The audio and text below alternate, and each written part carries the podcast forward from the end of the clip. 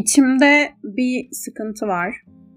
Çamurun içine çubuk sokup solucan arar gibi asıl derdiniz edeni bulup sonra onu bir de çıkarıp, yontup, yoğurup konuşacak hale getirmek aslında görününden daha zor bir işmiş. Ben de zaman geçtikçe her geçen gün yeni bir bölüm kaydettikçe, yeni bir bölüm yazdıkça birazcık daha anlayıp öğreniyorum bu işin mayasını. Benim gün içinde en azından daha önce söylemişimdir belki 1-2 saat kendimle baş başa kalmam gerekiyor. Yani sıfır insan müdahalesiyle dışarıdan gelecek en ufak etkiye bile temas etmemem gerekiyor. Ya çok kafa sesini sevmiyorum ya. ya. Çok insan sevmiyorum yani. İnsanları seviyorum. Yanlış anlaşılmasın. İnsanlarımı seviyorum en azından. Ama çok insan hayır. Aşağı yukarı beni tanıyan herkes bu duruma çok alışkın. Uzun süredir böyle bir trip sitem falan çekmedim bu yüzden. Hatta dünyanın en nazlı insanı annem bile darlandığımı anladığında ya hadi sen bir çık odana falan diye gönderir beni. O kadar artık karakterim olmuş oturmuş bir durum bu. E kendimden ve kendimle geçirdiğim zamandan hiç korkmadığım hatta özel olarak bir muhtaçlık duyduğum için de kendimi çok iyi tanıdığım algısı var bende. Sanki her şeye hakimmişim gibi sıkıntılarımı bile bir kontrolcülükle ele aldığım saçma sapan bir olgu yani. Ama tam tersine kendimle olan meselemden veya kendimi ne kadar tanıdığımdan veya kendime olan tahammül seviyemden bağımsız her dert hemen onu çıkarıp anlayabileceğimiz olgunlukta değil. Bazen ekşi maya gibi unlanmaya, unlandıkça açılmaya, işte bazen dinlendirilmeye, bazen bekletilmeye, bazen de manasızca suya yani gözyaşına ihtiyacı var. İçimde bir sıkıntı var diye açtım bölümü. İçimde bir sıkıntı vardı. Huzursuz birkaç gün geçirdim geçenlerde. Neden olduğunu da bir türlü algılayamadım. Önce bütünsel bir his, bir duygu durum değişikliği gibi geldi. Öyle birkaç saat takıldım. Ne bileyim teslim olmayı denedim. Ki genelde duyguya teslim olurum ve beni alıp oradan oraya atmasını ya da böyle sanki yan gelmişim gibi dalga olup yüzüme vurmasını beklerim. Öyle de olur bu arada. Yani yeterince beklersen her karaya vurursun diye düşünüyorum. En sakin görünen mevzu bile gün geliyor Sevda Demirel'in Hande teyze tokadı gibi vuruyor bir yerde neticede. Doğası gereği yani. Hiç anlayamayacağımız meseleleri bile anlamak için debelendiğimiz çok ilginç bir yaratılışımız var insanlar olarak. Ama bu sefer kötü hissetmek içimden hiç gelmedi. Gelmedi abi işte. yani geçtiğimiz yılın 2,5-3 ayında içimde bunun 10 katı kadar büyük bir sıkıntı vardı. O yüzden sıkıntının, içimde bir sıkıntı var sıkıntısının tadının neye benzediğini biliyorum. Pac-Man gibi bir mevzu bu. Yani sizi yemesine izin verdikçe büyümeye ve büyüdükçe de sizi daha çok yemeye devam ediyor. İnsanın bazen dişini fırçalamakta bile zorlandığı bir güçlük hali olduğu için bu savaşta gittikçe daha da böyle mağlup olup ufacık bir tetikleyici ya da kocaman bir şövalye ile kurtuluşa ve refah yaşayacağınız günü bekliyorsunuz. O eraya bir kere girdiğim için mi, o pekmenden cehennemden korkar gibi korktuğum için mi bilmiyorum. E, Gulyabani'den korkar gibi korkuyorum gerçekten. Benzerine bile tahammülüm yok. O yüzden o günde bu içimdeki sıkıntının sesine bile tahammülüm yoktu, olmadı. Ve çok öfkelendim. E, buna benzer bir şey yeniden hissettiğim ve nedenini anlamadığım için daha da çok öfkelendim. Belki 3-4 haftadır nispeten iyi hissetmemle de bir ilgisi olabileceğini düşünüyorum. Ve şuna benzetiyorum bu durumu. Hani grip olup burnun tıkanınca rahatça nefes almanın ne demek olduğunu hatırlayamazsın. Çok uzak bir hatıra gibi gelir. Oysa tüm hayatın boyunca bunu yapmışsındır. Depresif episodların da böyle bir belleği var bence. İçinde kaldığınız süre uzadıkça normalliğin ve iyiliğin tadını hatırlamak zorlaştığı için sanki hiç iyi olmamışsınız ya da çok uzak günlermiş gibi hani Nebat Çehre'nin aşk hayatıymış gibi geldiği için daha da çok içinde kalmaya ve boğulmaya devam ediyorsun.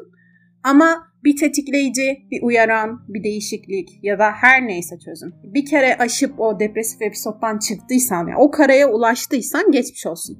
Tadını hatırlıyorsun ve biliyorsun ya artık. Tekrar benzer şeyleri hissetmek, yani tekrar depresif bir sürece girmek, tekrar kendini kötü hissetmek, tekrar o duygu durum bozukluğunu yaşamak ilk seferinden çok daha zor, çok daha ağır geliyor ve insanı müthiş öfkelendiriyor. O yüzden teslim olmadım. Ne gelirse onu yaşayınca bir insan olarak da kendimi bile şoka sokan bir gelişme olarak rahatlıkla şunu söyleyebilirim ki ne gelirse onu yaşamayın. Neyi yaşamak istiyorsanız ona gidin. Belki çok daha uzun sürebilecek, belki haftamı haftalarımı alabilecek, beni dibe çekecek, dibe çektikçe basit yaşamsal faaliyetlerden bile geri çekecek ve geri çektikçe de daha da dibe çekecek bir iğrenç bir kısır döngüyü birkaç saat içerisinde def ettim. Kendimi sakinleştirdim. TikTok'u kapattım. Bu çok önemli. bir papatya çayı yaptım. Gülmeyin. Sakinleştiriyormuş. Ve odama yerleşip uzun zamandır elime bile almadığım günlüğümü açtım. Ne hissettiğimi yazarken de önce neden böyle hissettiğimi buldum. Cevap aslında çok aşina olduğum ama tahmin bile etmediğim bir yerden çıktı. Ki yazmanın böyle mucizevi bir etkisi var insan üzerinde. Birincisi kafanda tiyatro tiradı gibi uzun uzadıya konuşan ve diyalog bile sayılamayacak 3-5 böyle birbirinden bağımsız ve berbat monolog monolog konuşamıyorum. Kağıda dökünce böyle çok anlamlı bir oyun gibi bir forma kavuşuyorlar. Her anlamlı kompozisyon örüntüsü gibi böyle bir giriş, gelişme ve sonuç olacak şekilde şak diye ablak gibi ayaklarına seriliyorlar. İkincisi o sesleri artık kafanın içinden çıkarmış oluyorsun. Bir kere yazınca ve okuyunca artık anlamını ve senin üzerindeki gücünü kaybediyorlar. O yüzden bir tavsiye vereceksem eğer Ay iyi mi yazıyorum? Ay kötü mü yazıyorum? Biri bulur okur mu? Annem geceleri cinciklar mı bu defteri? Ben böyle şeyleri hiç beceremem ki demeden, hiç de edebi kaygı filan gütmeden oturup şakır şakır yazmanız yönünde olur. İster yırtın atın, ister yakın, ister gelecekteki çocuklarınıza senin annen de senin baban da böyle manyaktı demek için saklayın. İsterseniz de utanın, utançtan yerin dibine girin. Hiçbir önemi yok ne yaptığınızın. Ama yeter ki yazın. Velhasıl kelam toparlamam gerekirse. O gün yazarken gördüm ki benim kötü hissetmek için bulduğum ve kafamın içindeki 3-5 farklı sesten ayrı ayrı toparladığım bütün o küçük nedenlerin arkasında aslında tek bir duygu varmış. O da korku. İyi huylu bir tümör ve bir kanser olarak ayrı ayrı korkuyu konuşacağız bugün. Konuşacağız ki günün sonunda kötü bir tablo asarım korkusuyla hiç tablo asmayan kötü bir hayat yaşarım korkusuyla hiç yaşamayan Oğuz Atay'dan. Hallice olmasın durumumuz. Septik çarşambalara bir kere daha hoş geldiniz. Bugün son bir defa hevesimizi alalım. Bir daha hiç elimiz gitmesin diye en korkak bizleriz.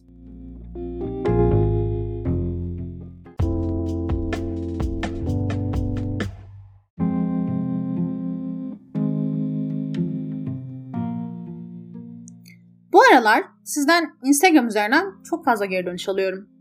Hatta bazı bazı Twitter'da bile denkleşiyoruz. Ve bu işin bir olması gerekeni var mı bilmiyorum. Ama varsa bende olması gerekenden çok daha fazla etki yaratıyor. Çok teşekkür etmiş olayım buradan. İyi ki varsınız. Ama ister istemez biraz kaygılanıyorum. Konuştuğum şeylerin içinin boşalmasından ya da temcit pilavı gibi önünüze dönüp dolaştırıp aynı şeyleri ısıtıp ısıtıp getirmekten aklım çıkıyor. O yüzden septik çarşambaları iki haftada bir yayınlamaya karar verdim. Böylece depoyu fullleyip fullleyip gelirim. Araya bölüm serpiştiririm, serpiştirmem. Bilmiyorum, göreceğiz. Gelişine vuracağız diyorum. Böyle de yani bir türlü konuya giremeyen, hiç merak etmediğimiz hayat dramasını boğup boğup duvara vuran YouTuber gibi lafı uzatmak istemiyorum. Ama podcast'in de bir noktada hizmet ettiği amaç laflamak. O yüzden neyi söylemek çok gerekli, neyi söylemek çok gereksiz emin olamıyorum. Bazen bir metin çıkarıyorum ya da söylemek istediğim, düşündüğüm şeyleri bir kağıda not alıyorum ve sonra onların tamamını kesip atıyorum falan.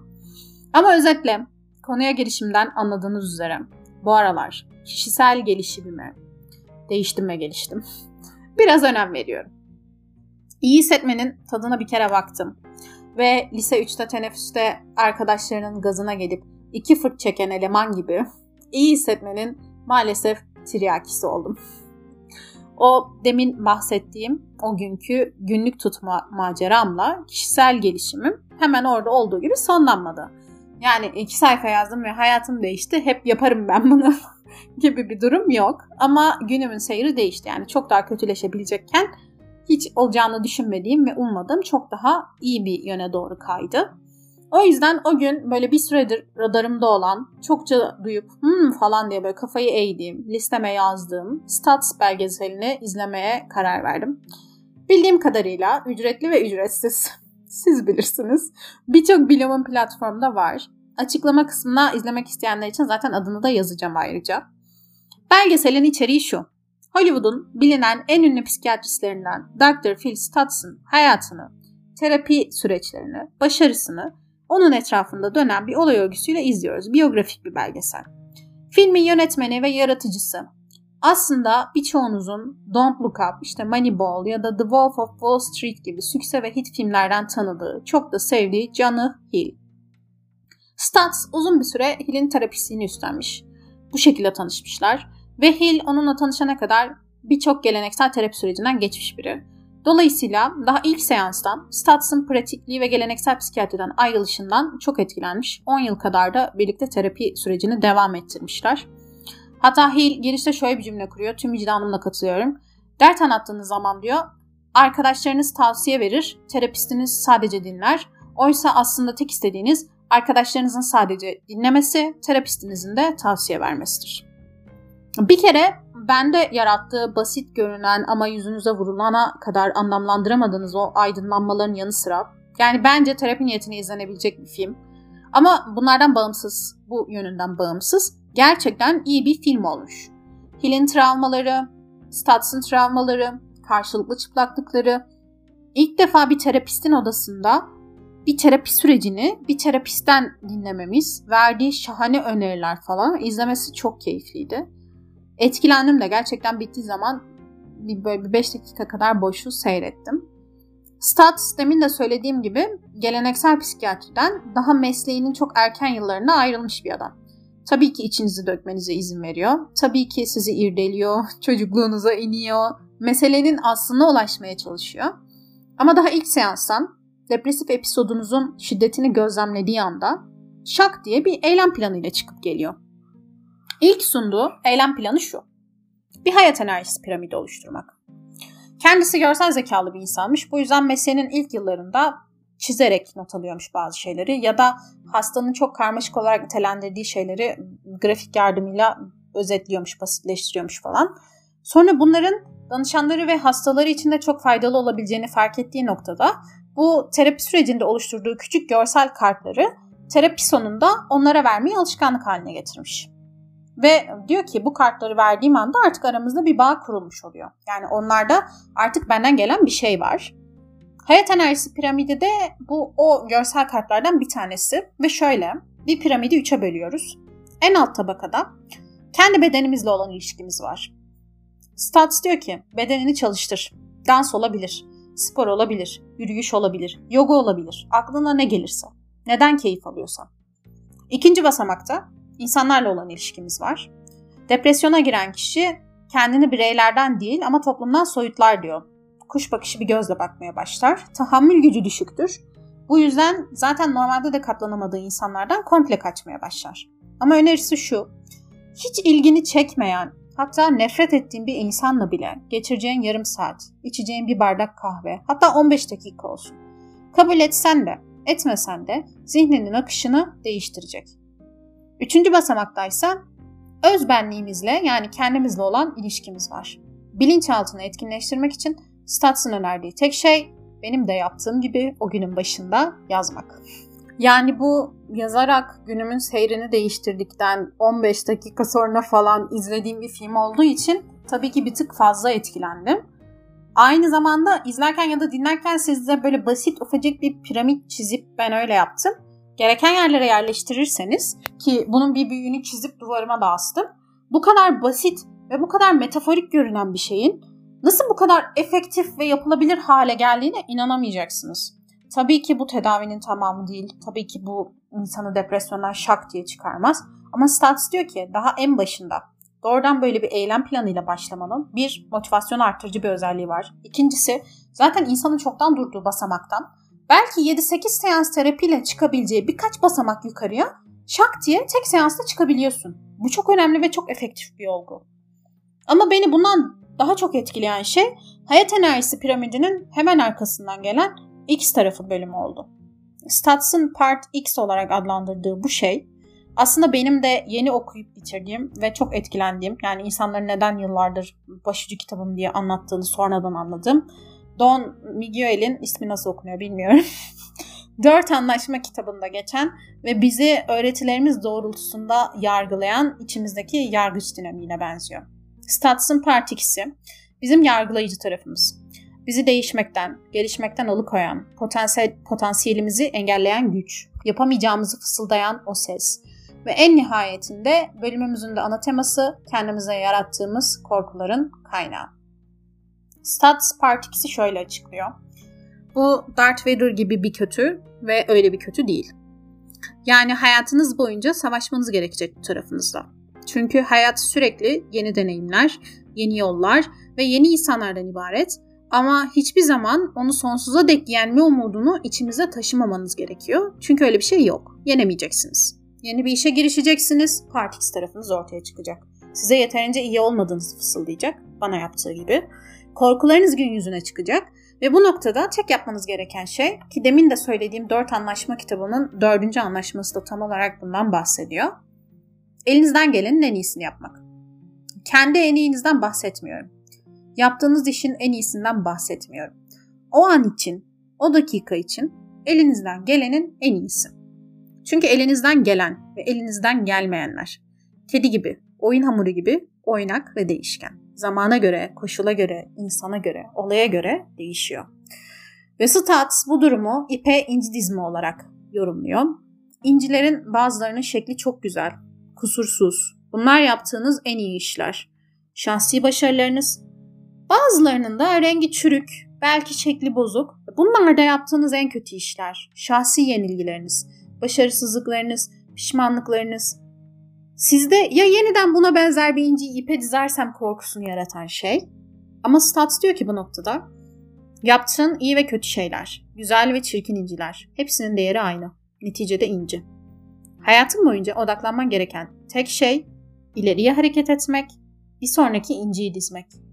Çünkü acı bunun sonucunda belirsizlik ve en nihayetinde hepsini aşmak için harcamak zorunda olduğumuz daimi çaba bizi asla terk etmeyecek. Geride bırakmayacak. Onu yenemeyeceğiz. İlerlememizi sağlayan tek şey bu. Korkularımıza kapılmamak ve göğüs germek. Belgeselin tamamını ya da Stats'ın önerilerinin tamamını burada yayıp dökmeyeceğim. Çünkü bu kez farklı olarak izleyip gelmiş sizlerle bir fiskos bölümü olsun istemiyorum. Yani bu bir değerlendirme bölümü değil. Gerçekten sizin için de fark yaratabileceğine inandığım bir belgesel olduğu için izleyin istiyorum. Çünkü benim için ihtiyaç anında kırınız ögesine dönüştü ilginç bir şekilde. Tanpınar'ın çok sevdiğim bir şiiri vardır gözlerimin altından bu yaşamak korkusunu al diye. O şiiri hatırladım bu bölümü yazarken.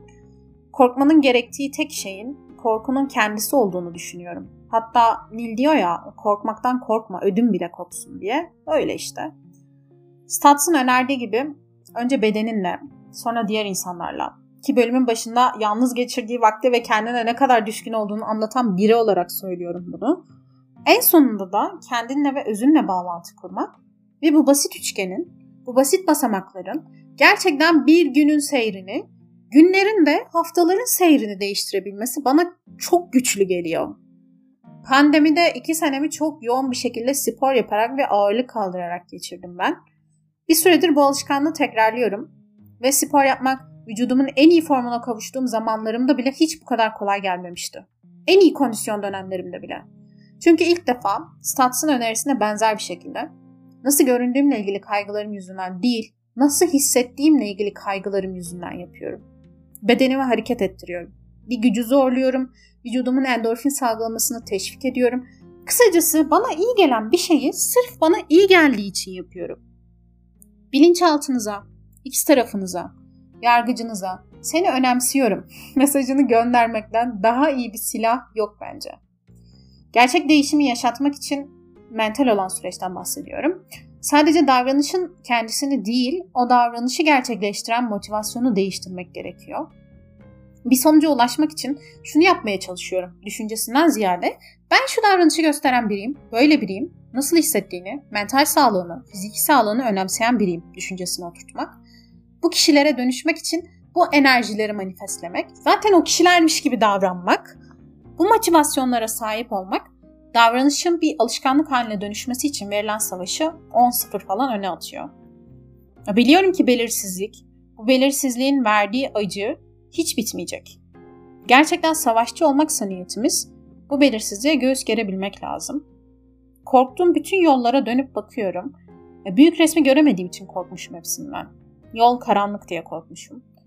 Ama 10 adım sonrasını ya da varacağı yeri görmeye çalışmak çok manasız. Hiçbir zaman göremeyeceğim çünkü. Ben ayaklarına bakan biri olmak istiyorum. Yeni yılda kendimle ilgili kararım bu.